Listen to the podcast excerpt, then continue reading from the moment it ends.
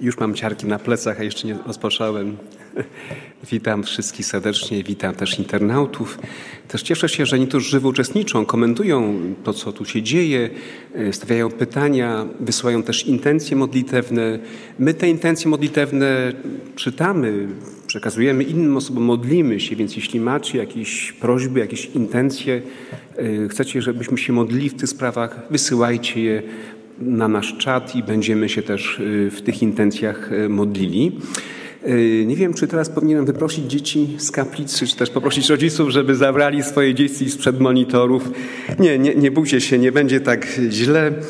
Tak jak to w filmach Hitchcockach jest tak, zaczyna się wszystko od trzęsienia ziemi, a potem napięcie stale rośnie. Moi drodzy, zacznę od pewnego trudnego pytania ale są tutaj rodzice, są mamy, tatusiowie, są dziadkowie. Powiedzcie mi szczerze, mieliście kiedyś ochotę zjeść własne dziecko?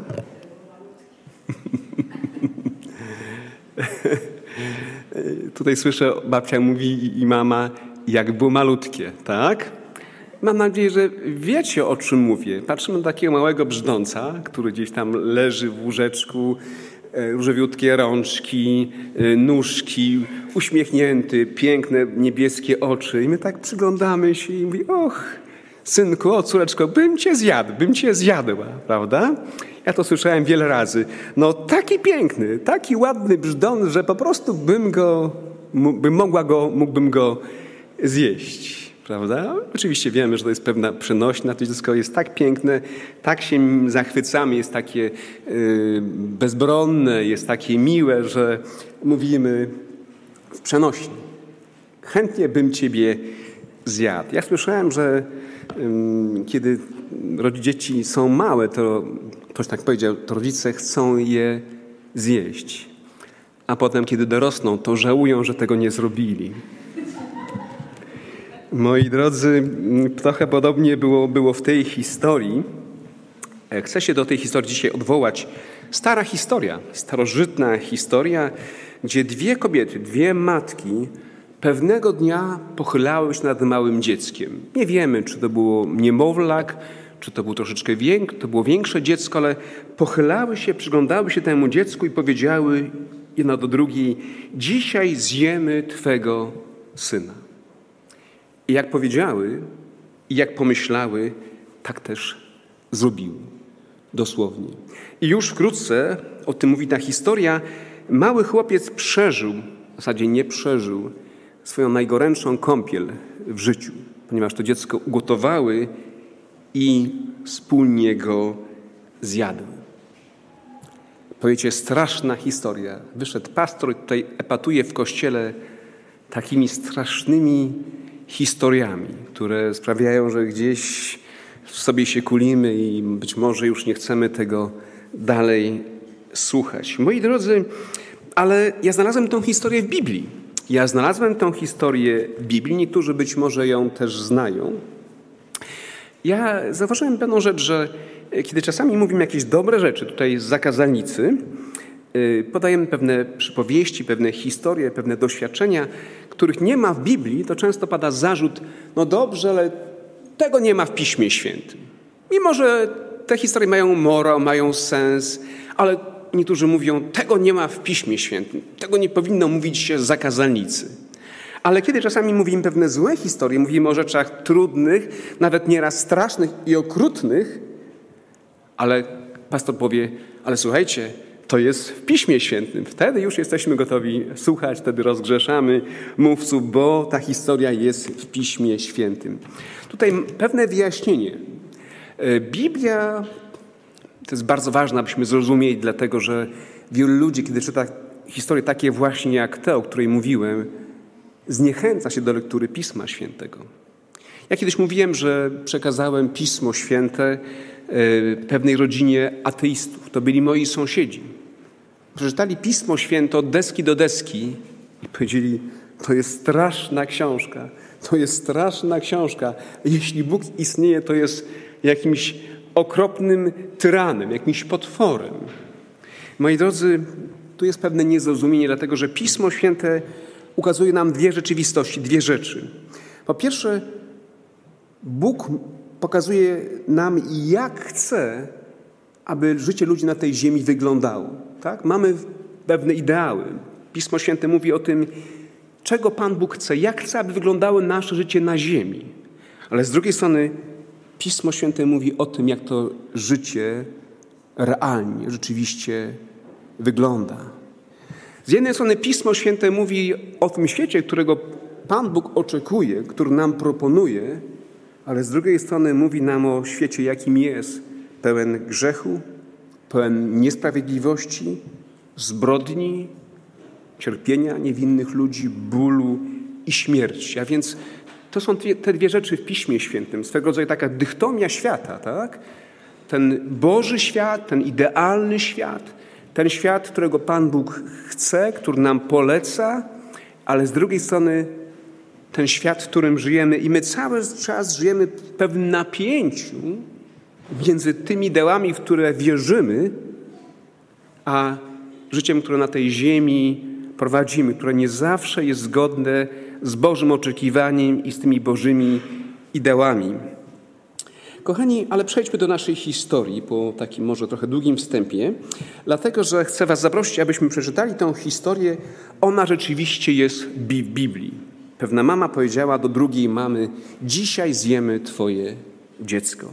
Szósty rozdział Księgi Królewskiej, drugiej Księgi Królewskiej, możesz się razem ze mną ten tekst śledzić. To jest jedna z moich ulubionych historii. Może Was to zdziwi. To jest moja ulubiona historia nie dlatego, że opisuje tą straszną rzeczywistość, ale w tej historii jest wspaniała puenta. Jest Boże wyjście, jest ukazane Boże zwycięstwo. Szósty rozdział, 24 i 25 werset. Następnie Ben-Hadad, król Aramu, zgromadził całe swoje wojsko i wyruszywszy obległ Samarię. I nastał w Samarii wielki głód, gdy ją oblężono, tak że doszła cena łba oślego do osiemdziesięciu srebrników, a ćwierć wiadra gnoju gołębiego do pięciu srebrników. Ta historia przenosi nas do czasów wielkiego proroka Elizeusza. Sporo wiemy o tym proroku. To był prorok e, cudotwórca, to był e, uczeń Eliasza, e, który czynił podobne rzeczy jak jego mistrz dzięki łasce Bożej. Pan Bóg w potężny sposób używał proroka Elizeusza w tych trudnych czasach, w czasach wielkiego odstępstwa, w czasach, kiedy naród Boży zszedł właśnie z tych Bożych dróg i nie żył tak, jak Bóg tego oczekiwał. Żył zupełnie innym, grzesznym, upadłym życiem, oddając cześć temu, co nie jest Bogiem. Moi drodzy, a więc w tej historii mamy też y, króla Jehorama, bo o nim mówi Pismo Święte. To był y, syn innego króla Achaba. I gdybyście chcieli zajrzeć kilka rozdziałów wcześniej, Pismo Święte wystawia temu królowi niezbyt chlubne świadectwo. Tak bym to określił. Niezbyt chlubne świadectwo. Dlatego, że w trzecim rozdziale drugiej Księgi Królewskiej czytamy o królu izraelskim. Jehoram, syn Achaba, objął władzę królewską nad Izraelem w Samarii w osiemnastym roku panowania Jehoszafata królewskiego i panował dwanaście lat. Czynił zaś to, co złe w oczach Pana – wszak nie w tej mierze, co jego ojciec i jego matka, gdyż usunął posąg Baala, jaki kazał sporządzić jego ojciec. Jednakże brnął w grzechach, do których przywiódł Izraela Jeroboam, syn Nebata, i od nich nie odstąpił. A więc mamy tutaj postać, charakterystykę króla. Nie był tak zły jak jego ojciec, mówi Pismo Święte. Ojciec po prostu celował we wszelkiej formach zła, dewiacji, grzechu. Pismo Święte mówi, był trochę lepszy. Był trochę lepszy, ale był wciąż synem swojego ojca, czy może swojego dziadka.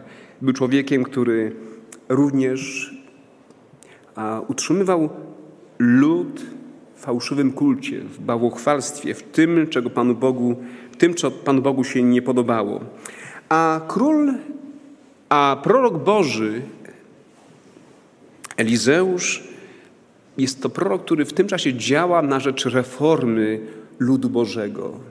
Wykorzystuje swoją pozycję, wykorzystuje swoje siły, wykorzystuje wszystko, co tylko może, po to, aby prowadzić ludzi na powrót do Boga i ich y, ojców. To jest także historia ciągłych zmagań Izraela z Aramejczykami, z tym potężnym narodem, z potężnym wojskiem. Len White, kiedy komentuje tę historię, te nieustające zmagania Aramejczyków z ludem Bożym, mówi, że Aramejczycy byli tym Bożym biczem, byli Bożym biczem dla odstępczego narodu. Być może to wciąż tak działa. Kiedy, kiedy dzieje się dobrze, odchodzimy od Boga. Kiedy pojawiają się nieszczęścia i problemy, jak trwoga to do Boga i bardzo często poprzez te czynniki zewnętrzne, poprzez czasami właśnie takie mocne, bolesne lekcje, naród Boży wracał, wracał do Boga, wracał do, yy, do prawdy. Kochani, ta historia mówi o tym, że Ben-Hadad, król Aramu, obległ Samarię. To był sposób, w jaki w tamtych czasach zdobywano warowne miasta. Wszystkie ważne miasta miały charakter warowny. Otoczone były dużymi murami, na tyle dużymi, że za pomocą ówczesnych technik yy, wojennych nie można było tych miast absolutnie w normalny sposób zdobyć. Ja nie chcę mówić o innych miastach. W Piśmie Świętym czytamy o Babilonie, prawda? Potężnym mieście, potężne mury, podwójne mury, pośrodku fosa. A więc yy, dowódcy w tamtych czasach wiedzieli, że jedynym sposobem, aby zdobyć miasto, to jest zdobyć je głodem, zdobyć je głodem. Moi drodzy, więc w związku z tym stosowano pewną technikę. Miasto otaczano ze wszelkich stron, odcinano wszelką możliwość poruszania się, transportu do miasta, wyżywienia, wszystkiego, co jest potrzebne. I po tygodniach, po miesiącach, czasami po latach oblężenia, wycieńczeni ludzie, obrońcy tego miasta poddawali się. Nieraz oszczędzano ich życia, nieraz wszystkich wcinano w pień. Takie to były e, czasy. Moi drodzy, e, ta historia pokazuje mi osobiście, do jakiego poziomu poniżenia prowadzi odrzucenie Boga. Nagle czytamy, i to nie jest przypadek, że Pismo Święte akurat na to zwraca uwagę. Oczywiście w tym mieście było więcej innych problemów, które wynikały z oblężenia, ale Pismo Święte mówi o tej klęsce głodu, o tym, że ludzie byli tak głodni. Pomyślcie, to byli Izraelici, to był naród Boży, to byli Żydzi i nagle to, co w Piśmie Świętym było nazwane jako nieczyste, wręcz plugawe. Pismo Święte mówi, że łeb ośli stał się rarytasem, za które ludzie płacili straszliwe pieniądze po to, aby przetrwać. Oni, ich dzieci, ich rodziny. Cena oślego łba doszła do 80 srebrników. Ale moi drodzy, co gorzej, to już jest jakby samo dno, wydaje się, tego, tego poniżenia. Pokarmem ludzi stał się gołębi gnój, gołębie odchody. Tym żywili się e, ludzie. Kochani, kiedy, kiedy myślę o tej historii, mm, a myślę o tym, że to oblężone miasto, ten naród, który tam w Samarii w wyniku odstępstwa znalazł się w tej tragicznej sytuacji, w tych okowach, okowach y, wroga, jest bardzo podobny do historii, historii tego świata, historii tej ziemi, która również tkwi w okowach oblężona przez największego wroga Boga i człowieka, szatana, ale mi ta historia też przypomina historię marnotrawnego syna. Pamiętacie? Marnotrawny syn odchodzi od, od ojca. Wydawało mu się, że to życie bez ojca jest takie rozkoszne, że będzie życiem wolnym, będzie życiem jego osobistych decyzji i pewnego dnia mówi, ojcze, ja od ciebie odchodzę, daj mi część z twojego majątku, będę żył tak, jak ja pragnę żyć. A potem Pismo Święte mówi, że to szczęście trwało bardzo krótko. Wszystko wydał, wszystko roztrwonił, a potem nastał głód. Bardzo często głód jest takim właśnie symbolem braku Bożego błogosławieństwa. Kiedy człowiek odchodzi od Boga, kiedy naród odchodzi od Pana Boga, Boże błogosławieństwo przestaje być w tym narodzie obecne, przestaje y, działać. Marnot, marnotrawny syn chciał jeść bodajże to, czego nie chciał jeść świnie. Tak mówi Pismo Święte, że patrzył w koryta świń i chciał się tego najeść. Był tak głodny, ale i tego nikt mu nie dawał. Moi drodzy, popatrzmy dalej. Tak jak powiedziałem, w tej historii jest właśnie jak u Hitchcocka, że najpierw jest trzęsienie ziemi. Tutaj już mamy takie potężne trzęsienie ziemi. To powinno już nami wstrząsnąć, ale potem to napięcie stale rośnie. 27 26 wiersz i dalsze. Gdy pewnego razu król izraelski przechodził po murze miejskim, zawołała do, na niego pewna kobieta, mówiąc: Ratuj mnie, panie mój królu. On odpowiedział: Jeżeli cię pan nie uratuje, jakże cię uratuję, czy sklepiska, czy stłoczni? Król zapytał ją jeszcze: Co ci jest? Ona odpowiedziała: Ta oto kobieta rzekła do mnie: Daj twego syna i zjemy go dzisiaj. Wiecie już skąd jest tytuł tego okazania? Daj Twego syna, zjemy go dzisiaj, a mojego syna zjemy jutro.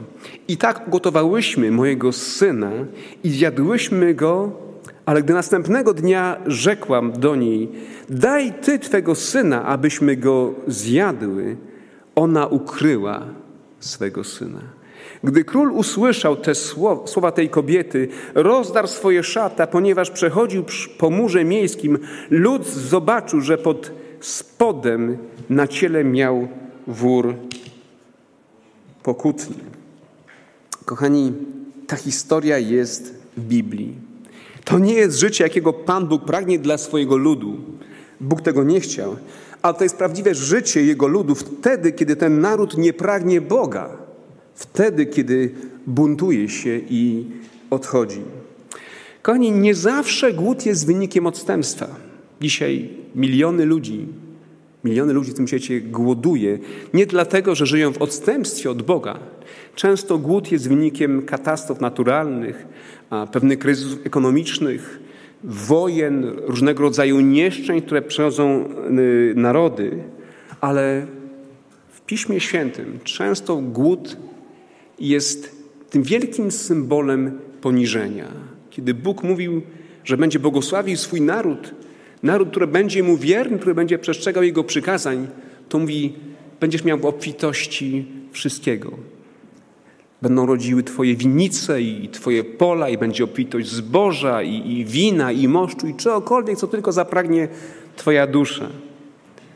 A i pewien mąż dodaje Mówi, byłem młody i zestarzałem się. Nie widziałem sprawiedliwego, który by żebrał, prosił o kawałek chleba. I to jest obietnica dla ludu Bożego, że Pan Bóg nam zapewnia pewne minimum. I Pan Bóg nie chce, aby w ten sposób wyglądało życie Jego ludu, życie Jego dzieci. Kochani, czy kiedyś byliście głodni, tak prawdziwie głodni? A kiedy rozmawiałem z, moimi babci, z moją babcią, z moim dziadkiem, to było to pokolenie, które doznało głodu. To byli ludzie, którzy żyli w czasie wojny. Pamiętam, pamiętam opowieści mojego dziadka, który przez dłuższy czas był w, w niewoli jako żołnierz i on i jego koledzy byli w pewnych grupach, byli pogrupowani w celach, otrzymywali małe przydziały żywności to było kilka kromek chleba dla dorosłych mężczyzn. I ten chleb ich przynoszono. I w każdej celi był taki przełożony, który miał ten chleb sprawiedliwie pośród więźniów, pośród tych jeńców podzielić. I dziadek mówił, że w jego, w jego celi był pewien chory żołnierz, młody człowiek, który był bardzo słabiony, był bardzo chory. I pewnego dnia, kiedy ten chleb dzielił, kruszył go na, na drobne kawałki i tam trzeba było wydzielić każdą jedną kruszynę chleba. Jeśli źle podzielił, to wybuchały niemalże walki między tymi żołnierzami. I mu dziadek świadomie pewną część odłożył, żeby dać podwójną porcję chleba, dosłownie kawałeczek chleba więcej temu choremu żołnierzowi, prawie na tym skończyłoby się jego życie. Został pobity. Doprowadziło to do furii tych pozostałych głodnych żołnierzy, dla których już te względy, to, że ktoś jest słaby, chory, oni byli tak głodni, że, że moralność przestała już dla nich y, istnieć i współczucie dla drugiego człowieka. Więc ktoś kiedyś powiedział takie, takie słowa, i być może tu jest to, co widzimy w tej biblijnej historii. To jest chyba jedyna historia w Biblii, gdzie opisany jest kanibalizm wśród ludu Bożego. Ktoś kiedyś powiedział, że prawdziwy głód ma miejsce wtedy, kiedy człowiek patrzy na drugiego człowieka jak na posiłek. Wtedy jest prawdziwy głód, kiedy człowiek patrzy na drugiego człowieka jak na posiłek. A nie jest to historia o ludziach, o barbarzyńcach, to nie jest historia o gdzieś dzikich narodach, które żyją, nie wiem, w Papui Nowej Gwinei, czy kiedyśkolwiek żyły, dlatego że ta historia dzieje się wśród ludu Bożego. Ona wydaje się nierealna. Pamiętam, że kiedyś na ten temat mówiłem, ktoś mówi, nie, to jest niemożliwe. Coś takiego po prostu nie mogło mieć miejsca. Człowiek nie jest zdolny, człowiek wierzący do tego, by w ten sposób postąpić. Zobaczcie, ta kobieta, która przychodzi do króla izraelskiego i żąda sprawiedliwości, ona reprezentuje jakąś dziwną logikę. Zobaczcie, ona mówi tę historię, ona się tego nie wstydzi, szuka swego rodzaju sprawiedliwości i mówi: Królu, był deal, była umowa. Dzisiaj mówiliśmy się wczoraj, że zjemy mojego syna, dzisiaj zjemy jej syna. Królu, domagam się od ciebie sprawiedliwości. Prawda? Wtedy król, wstrząśnięty tą historią, ten zły król, ten grzeszny król, ten król, który potem całą winę zgonił na Bożego proroka Lizeusza, ale jest tak poruszony tą historią, że rozdziera swoje szaty, bo ta historia rzeczywiście nie tylko szaty, ale i serca, i umysły, i duszę y, rozrywa. Moi drodzy, Niedawno czytałem, mówiąc na ten temat w pewnym zborze, historię, historię, która wydarzyła się nie dawno, dawno temu, nie w czasach starożytnych, ale w XX wieku. Być może słyszeliście o oblężeniu Stalingradu albo Sankt Petersburga. Dawna nazwa. 41, bodajże 44 rok. Y, dwa i pół roku trwało oblężenie Stalingradu. Wo Y, Leni, Leningradu, Leningradu, Leningradu, przepraszam bardzo, e, Leningradu, dawnego Sankt Petersburga. E, to miasto zostało otoczone przez całą masę y, żołnierzy niemieckich, którzy zastosowali ten sam model, ten sam wzorzec, czyli weźmiemy miasto głodem, a w tym mieście żyło 3 miliony ludzi. 3 miliony ludzi Trwało oblężenie ponad 2,5 roku. Skończyły się wszystkie zapasy żywności.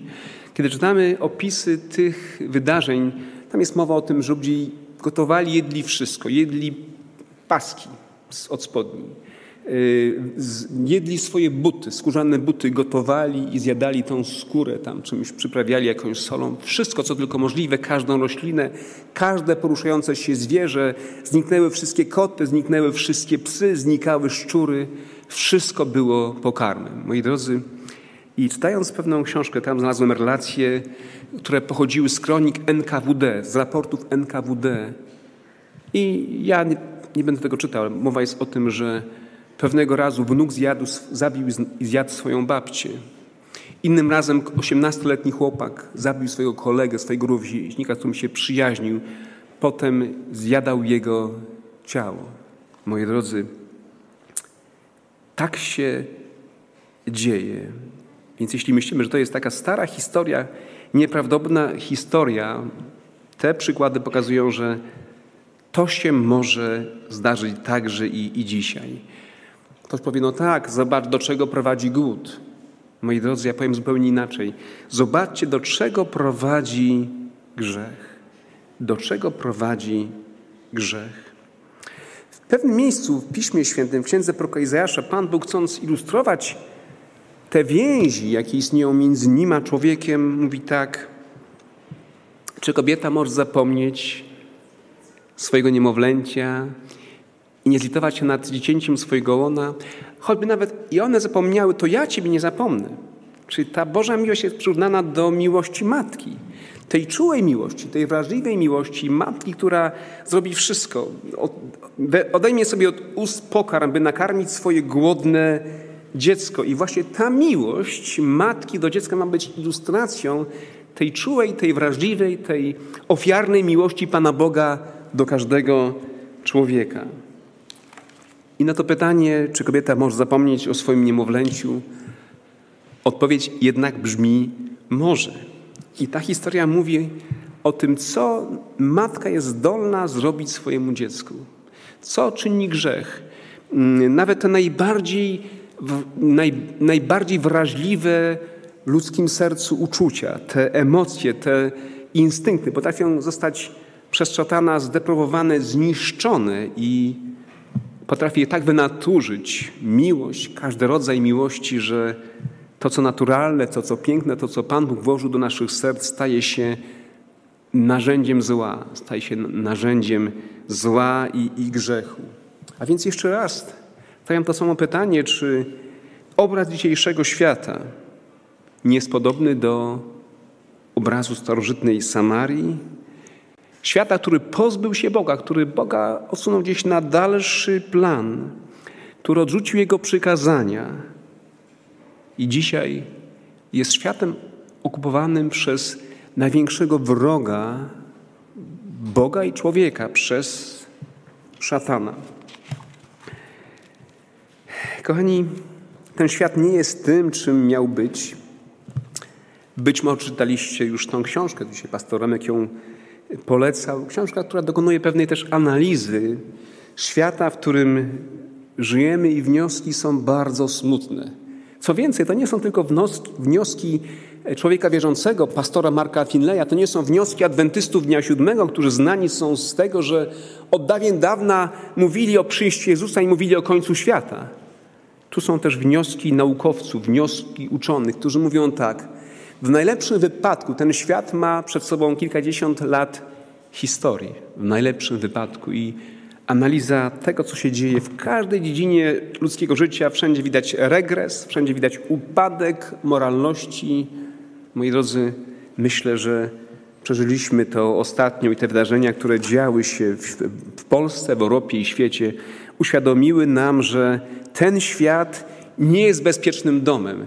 Ten świat nie jest przyjaznym miejscem dla jego y, dzieci. Dlatego, że to diabeł zrobił ten lockdown, o którym tak często się mówi, i w jednej chwili zamknął nas. Żeśmy się znaleźli w oblożonej twierdzy, zamknięci, niepewni jutra, niepewni tego, co wydarzy się każdego następnego dnia. Taki jest ten świat. Zachęcam do lektury tej książki, która e, mi osobiście to jeszcze bardzo uświadomiła, że nie żyjemy w Bożym raju. Ten świat już dawno przestał być ogrodem Eden. Żyjemy w oblężonej twierdzy, gdzie diabeł otoczył nas, niszczy nas bólem, cierpieniem, głodem, wszelkimi możliwymi nieszczęściami. Jezus mówi, będą głody, mory, trzęsienia ziemi, ale to tylko mówi początek boleści, i potem będą działy się jeszcze gorsze rzeczy. Jezus mówi, miłość wielu oziemnie i przez to bezprawie się rozmnoży. Dzisiaj cały czas słyszymy o tym, co się dzieje, o tym, jak matki mogą być okrutne, o matkach, które zabijają swoje dzieci, o ojcach, które mord którzy mordują swoje dzieci. Tych przypadków jest tak wiele, że już nas to w ogóle przestaje szokować. Nas już w ogóle nic w tym świecie nie szokuje. Żadne morderstwo, żadna ohydna historia to jest to, do czego żeśmy się już na tej ziemi po prostu przyzwyczaili. E, ja przypomniałem sobie pewien wiersz, który kiedyś był takim moim ulubionym wierszem, dlatego że jednym z ulubionych moich poetów jest Leopold Staff. Jeśli ktoś lubi Leopolda Staffa, to możemy porozmawiać. I jest wiersz, którego kiedyś uczyłem się na pamięć, być może jeszcze w szkole podstawowej, czy może raczej w średniej. Wiersz zatytułowany Jesienny deszcz. Być może znacie ten deszcz, o szyby deszcz dzwoni, deszcz dzwoni jesienny i pluszcze jednaki miarowy niezmienny. I w jednej ze zwrotek Leopold Staff, to jest wiersz bardzo smutny, bardzo y, nastrojowy, taki dekadencki wiersz, ale tak pisze. Przez ogród mój szatan szedł smutny śmiertelnie i zmienił go w straszną, okropną pustelnię. Z ponurym na piersi zwieszonym przed czołem i kwiaty kwitnące przysypał popiołem, trawniki zarzucił bryłami z kamienia i posiał szał trwogi i śmierć przerażenia. Moi drodzy, ten świat nie jest Bożym rajem. On nie jest takim, jakim Bóg chce, aby był. Tutaj dzisiaj była spowiadana przypowieść, przypowieść Pana Jezusa o pszenicy i konkolu. Pamiętacie tą przypowieść? Zastanawiamy się nieraz, dlaczego tak jest, gdzie w tym wszystkim jest Bóg, gdzie w tym wszystkim jest Boża opatrzność, dzieją się pewne rzeczy, które wymykają się jakby Bogu spod Jego panowania, nieszczęścia, tragedie, zarazy. Ale Jezus w tej przypowieści y, mówi o pewnym gospodarzu, który posiał dobre ziarno. Kiedy to ziarno wyrosło i nagle okazało się, że wśród tego dobrego ziarna jest konkol. I przychodzą do niego ci żeńcy, pytają się, panie, przecież ty posiałeś dobre ziarno, skąd zatem wziął się konkol? On mówi, to wróg uczynił, to wróg uczynił. To ten właśnie zły posiał, jak mówi Staw, posiał szał trwogi i śmierć przerażenia. I gdyby dzisiaj Pan Bóg mógł coś nam powiedzieć, być może powiedziałby nam takie słowa: Ja stworzyłem raj, ja stworzyłem ogród Eden. Ja stworzyłem piękną planetę, która miała być miejscem wiecznej szczęśliwości dla każdego człowieka, ale przez ogród mój szatan szedł smutny śmiertelnie i zmienił go w straszną, okropną pustelnię. Dzisiaj gdziekolwiek skierujemy na wzrok, jakiekolwiek miejsce, wszędzie widzimy tę straszną, okropną pustelnię. On pojawił się w tym Bożym ogrodzie i Pismo Święte mówi, że tam zasiał swoje wielkie kłamstwa i wielu ludzi w te kłamstwa wierzy aż do dzisiaj. Ale moi drodzy, ta historia, ta tragiczna historia Samarii ma swój koniec. I to jest moment, kiedy moje serce znowu rośnie, bo chcę Wam powiedzieć o czymś dobrym. O tym, że Bóg nie jest Bogiem, który się ustawicznie gniewa. Mimo, że popełniamy pewne błędy, że narody czasami, naród Boży odchodził od Pana Boga, łamał Jego przymierze, łamał Jego przykazania, e, Bóg nie miał nigdy przyjemności w karaniu człowieka. 55 rozdział, być może te słowa znacie, pamiętacie z księgi proka Izajasza, pokazują nam ten niesamowity charakter Pana Boga, charakter Pana Boga, który jest zdolny człowiekowi przebaczać za każdym razem, kiedy do Niego przychodzimy, kiedy zdajemy sobie sprawę z naszej grzeszności, z naszych przestępstw. 55 rozdział Księgi Proka Izajasza i tam chociażby werset ósmy i dziewiąty. Popatrzmy na te słowa. Bo, a może wcześniej, siódmy werset. Niech bezbożny porzuci swoją drogę, a przestępca swoje zamysły. I niech się nawróci do Pana, aby się nad nim zlitował, do naszego Boga, gdyż jest hojny w odpuszczaniu. Bo myśli moje to nie myśli wasze, a drogi wasze to nie drogi moje, mówi Pan. Kochani, przez wiernego męża Bożego Bóg przekazuje oblężonej Samarii dobrą nowinę. I niesamowicie dobrą nowinę. Siódmy rozdział drugiej Księgi Królewskiej, werset pierwszy i drugi.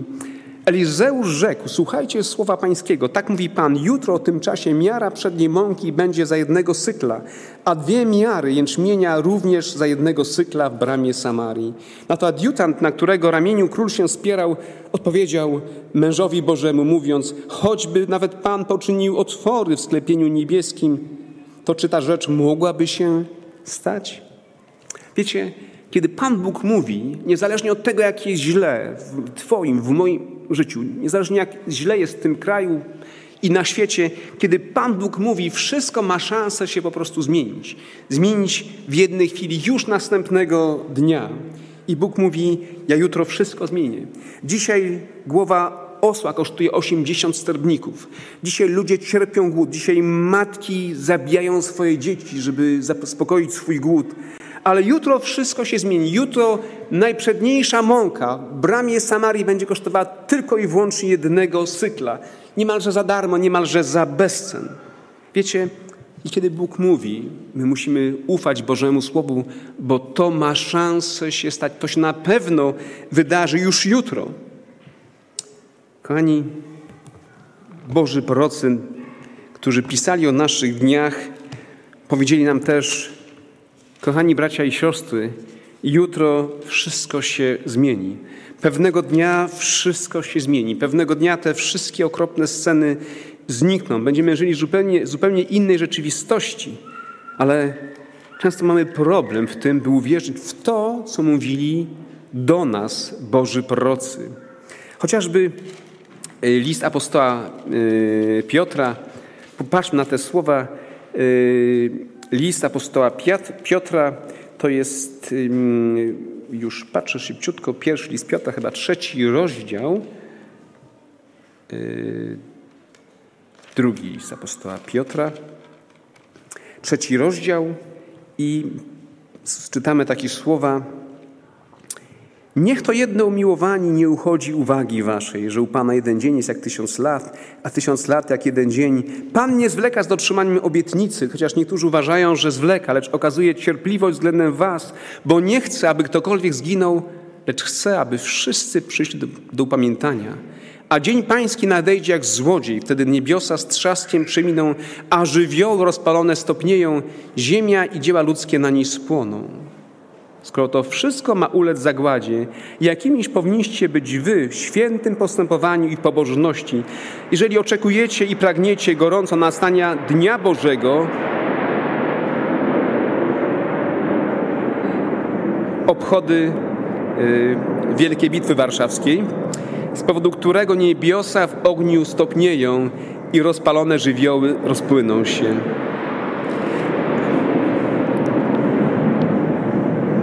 Moi drodzy, to nie jest wojna, spokojnie, to, to, to, się, musi, to się musi wydarzyć. Ale my oczekujemy, pisze apostoł Piotr, według obietnicy nowych niebios i nowej ziemi, w których mieszka sprawiedliwość. Kochani, czy macie tą wizję w dniach, w których żyjecie? Czy macie tą wizję, tą Bożą perspektywę tego, co już wkrótce, już jutro może się wydarzyć? My często tracimy ją z naszego wzroku, pogrążamy się w takim narzekaniu na, na to, jaki ten zły świat, jaka jest zła rzeczywistość. Angażujemy się w politykę tego świata, wierząc, że, że tam jest jakaś szansa, aby ten świat został naprawiony.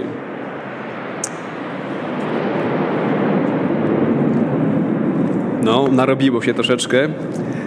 Kochani, jeszcze jeden fragment księgi proroka Izajasza, jeszcze jedna Boża wizja, Boża perspektywa, jak daleka od tej wizji, którą my mamy. 66 rozdział. I zobaczmy, co, co do nas mówi Boży prorok. 66 rozdział i werset 22. Może tylko 22 werset. Bo jak nowe niebo i nowa ziemia, którą ja stworzę, ostaną się przede mną, mówi Pan, tak ostoi się wasze potomstwo i wasze imię. Bóg mówi, ja pewnego dnia, ja tworzę ten inny świat. A więc nasza nadzieja nie powinna być ulokowana w politykę tego świata, w ludzi tego świata, ale tylko i wyłącznie w Bogu, bo to tylko Bóg jest w stanie zmienić tą rzeczywistość, w której żyjemy. I On to pewnego dnia zrobi, jeśli w Nim położymy naszą nadzieję. Ale moi drodzy, zmierzajmy do finału tej historii, dlatego że e, naprawdę tutaj jest coraz lepiej. E, Pismo Święte opisuje mm, kilku desperatów, którzy byli gdzieś tam za murami miasta i odkryli pewną niesamowitą rzecz. Dzisiaj ten tekst już był czytany. Siódmy rozdział drugiej Księgi Królewskiej i tutaj finalna, ta finalna historia. A czterech mężów werset trzeci, trędowatych znajdowało się wtedy u wejścia do bramy i mówili jeden do drugiego, po cóż my tutaj siedzimy, aż zginiemy? Jeżeli powiemy sobie, wejdziemy do miasta, a w mieście jest głód, to umrzemy tam. A jeżeli pozostaniemy tutaj, także pomrzemy. Przejdźmy więc do obozu Aramejczyków, jeżeli pozostawią nas przy życiu, będziemy żyć, a jeśli nas zabiją, zginiemy. Całkiem dobra logika, prawda? Czterech żebraków, czterech trędowatych, ludzi odrzuconych, ludzi, którzy podzielali ten sam problem, byli głodni podobni jak, ludzi w tym, jak ludzie w tym mieście, w Samarii, ale do tego jeszcze byli odrzuceni poza, poza społeczeństwo. Nimi wszyscy gardzili, ich wszyscy omijali. Nikt nie chciał podać im ręki, nikt nie chciał ich przytulić, pocieszyć, bo to byli ludzie trędowaci. I są tak zdesperowani w tym swoim głodzie, mówią: Wejdziemy do, do wroga, pójdziemy do wroga. Być może w tamtych czasach ludzie chorzy, trędowaci mieli specjalny status i bardzo często nawet obce wojska litowały się nad tymi chorymi ludźmi, nad ludźmi chorymi psychicznie, trędowatymi i oszczędzali tych ludzi. Więc mówią: Jest szansa. Jeśli wejdziemy, być może nas nie zabiją. A jak nas nie zabiją, to dadzą nam kromkę chleba i będziemy żyć. I moi drodzy, zobaczcie, co się dzieje. A ruszyli więc o zmierzchła, żeby przejść do obozu Aramejczyków i doszli aż do końca obozu Aramejczyków, a oto nie było tam nikogo. Pan bowiem sprawił, że w obozie Aramejczyków usłyszano turkot wozów wojennych i tętnet koni i zgieł wielkiego wojska. To też rzekli jeden do drugiego, oto król izraelski wynajął sobie przeciwko nam królów hettyckich i królów egipskich, by na nas ruszyli. Zerwali się więc i o zmierzch uciekli, pozostawiwszy swoje namioty, konie i osły, cały w ogóle obóz, tak jak był, i uciekli ratując życie. Doszli więc ci trędowaci aż do końca obozu i weszli do jednego namiotu, najedli się, napili oraz wynieśli stamtąd srebro, złoto i szaty, a wyszedłszy ukryli to. Potem wrócili, weszli do innego namiotu, a zabrawszy stamtąd też wynieśli i wyszedłszy ukryli. Moi drodzy, to jest nieprawdopodobne. Oni odkrywają, ci cztery nędznicy odkrywają, że nie ma już wrogów, że obóz jest pusty. Kochani, Pismo Święte mówi, że nasze zbawienie, nasz ratunek, który Bóg przygotował dla Ciebie i dla mnie, on nie jest wynikiem naszych zasług. W tej historii czytamy, że Pan to sprawił, że usłyszano ten, ten koni i wrzawę wojska i wszyscy wrogowie pouciekali. A Pismo Święte mówi, że Bóg to uczynił dla nas w Chrystusie, że łaską zbawieni jesteście, to nie jest z nas. Nikt z nas nie przyłożył ani palca, ani ręki, nawet nie mrugnął w kwestii swojego zbawienia. To jest darmo, z łaski, przez wiarę, po to, aby nikt z nas się nie chlubił. W innym miejscu Bóg mówi, że zbawił nas nie dla uczynków miłosierdzia, które spełnialiśmy, ale przez swoje wielkie miłosierdzie. To jest to, co Pan Bóg zrobił dla nas i to jest ta dobra nowina, jakiej po prostu nie zna świat. Ale moi drodzy, wczuwam się w, w tych czterech cendowatych, którzy głodni, brudni, obdarci weszli do obozu. A tam gdzieś piecze się jeszcze mięso, gorące mięso, które gdzieś tam piekli wrogowie na, y, nad ogniem. Wchodzą do namiotu, tam są przepiękne szaty, więc zrzucają te swoje stare łachmany, gdzieś myją się, ubierają wspaniałe szaty. Być może weszli nawet do namiotu króla aramejskiego i założyli sobie królewskie szaty, założyli sobie koronę królewską. I cieszą się tym życiem. Oni jeszcze nigdy tak nie żyli. Oni byli pogardzani, oni byli głodni, oni byli odsunięci poza społeczeństwo i nagle stają się królami życia. Idę od namiotu do namiotu, wszędzie jest pusto, wszędzie są szaty, jest złoto, są kosztowności. Więc kiedy już się najedli, kiedy się już napili, kiedy się być może przebrali, nawet trochę odpoczęli, idą do kolejnego namiotu i znowu biorą jakieś drogie rzeczy, wynoszą, pomyśleli sobie, no my musimy, to jest nasze pięć minut w życiu, my musimy teraz to dobrze ulokować. Nie wiem, czy kiedyś mieliście taki problem, że e, macie szansę żyć 200 lat, a pieniędzy macie na 300 lat. Macie taki problem? Moi drodzy, oni mieli taki problem. Nie wiadomo, ile mieli szansę żyć, ale mieli tyle pieniędzy, że nie wiedzieli, co z nimi zrobić, więc nie było wtedy banków, nie znaleźli pieniędzy do Alior Banku ani do PKO BP. Zakopują to w ziemi.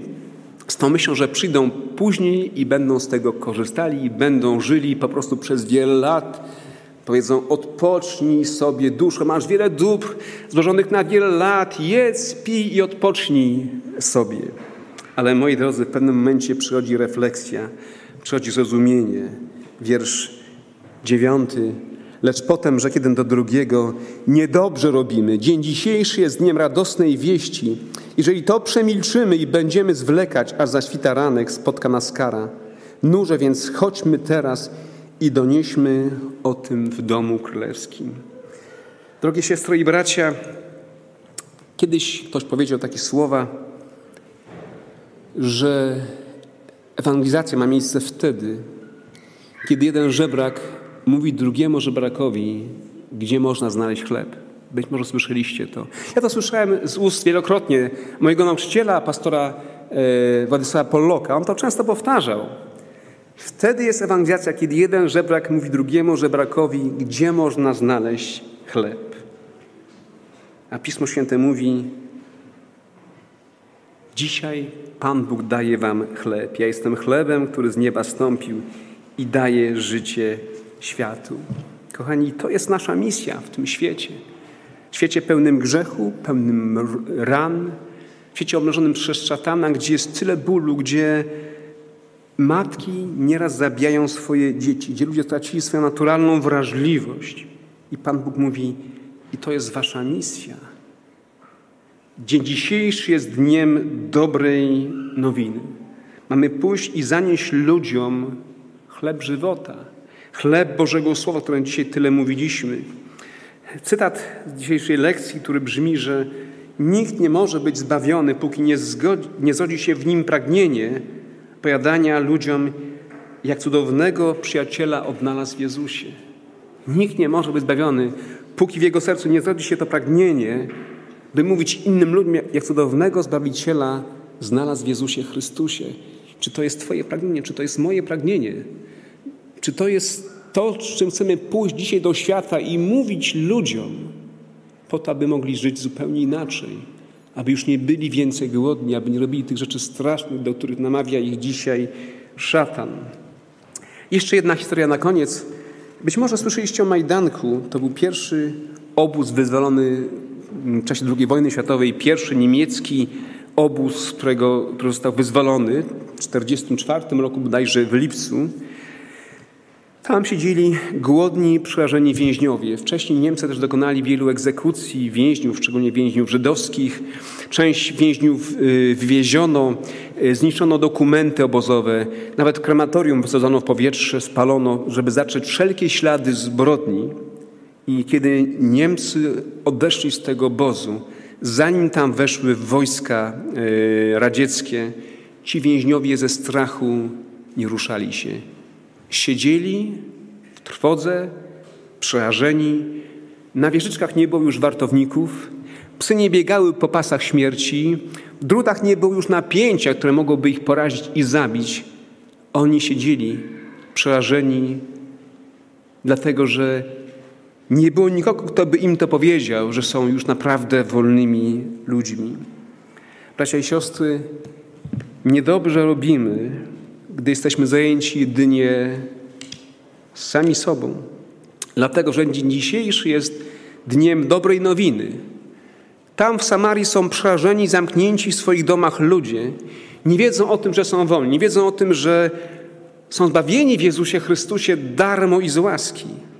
Bracia i siostry, niedobrze robimy, gdy gromadzimy dobra tego świata tylko i wyłącznie dla siebie, dlatego że dzień dzisiejszy jest dniem dobrej nowiny.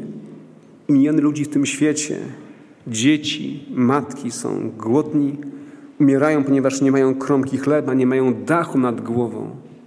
Niedobrze robimy, kiedy prowadzimy w kościele różne jałowe dysputy. Jest ich tyle. My tak dyskutujemy, że nieraz jesteśmy gotowi sobie zrobić krzywdę w obronie swoich różnych pozycji.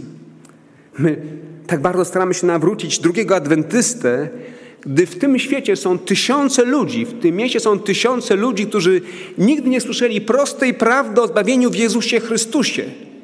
A my wolimy się spierać, kłócić, yy, używać różnych czasami przykrych argumentów, a w tym mieście żyją ludzie, którzy nigdy nie słyszeli o zbawieniu w Jezusie Chrystusie.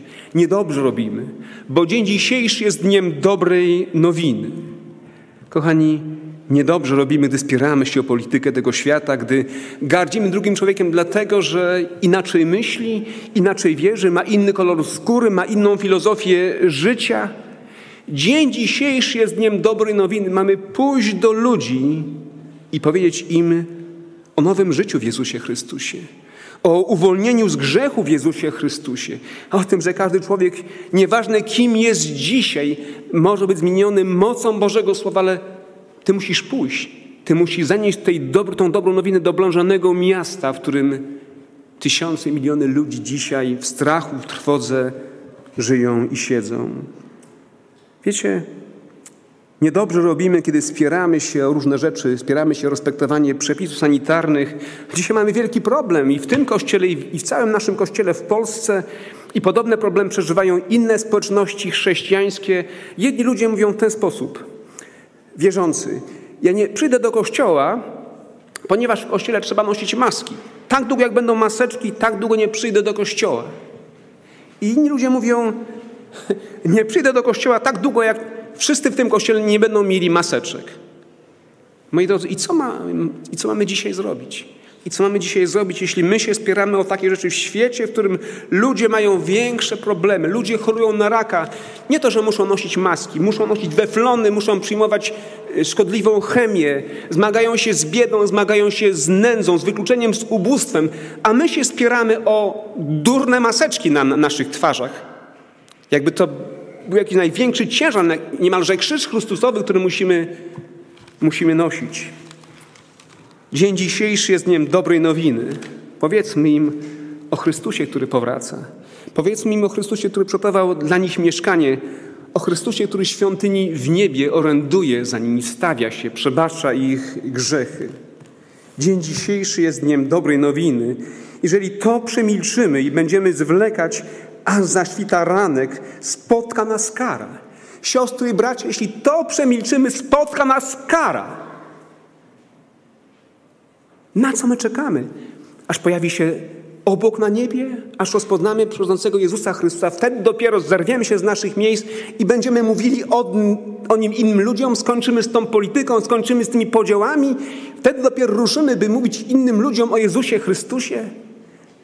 Jeśli to przemilczymy, spotka nas kara. A więc Jezus mówi: idźcie i głoście Ewangelię po całej ziemi na świadectwo wszystkim narodom, bo dzień dzisiejszy jest dniem dobrej nowiny.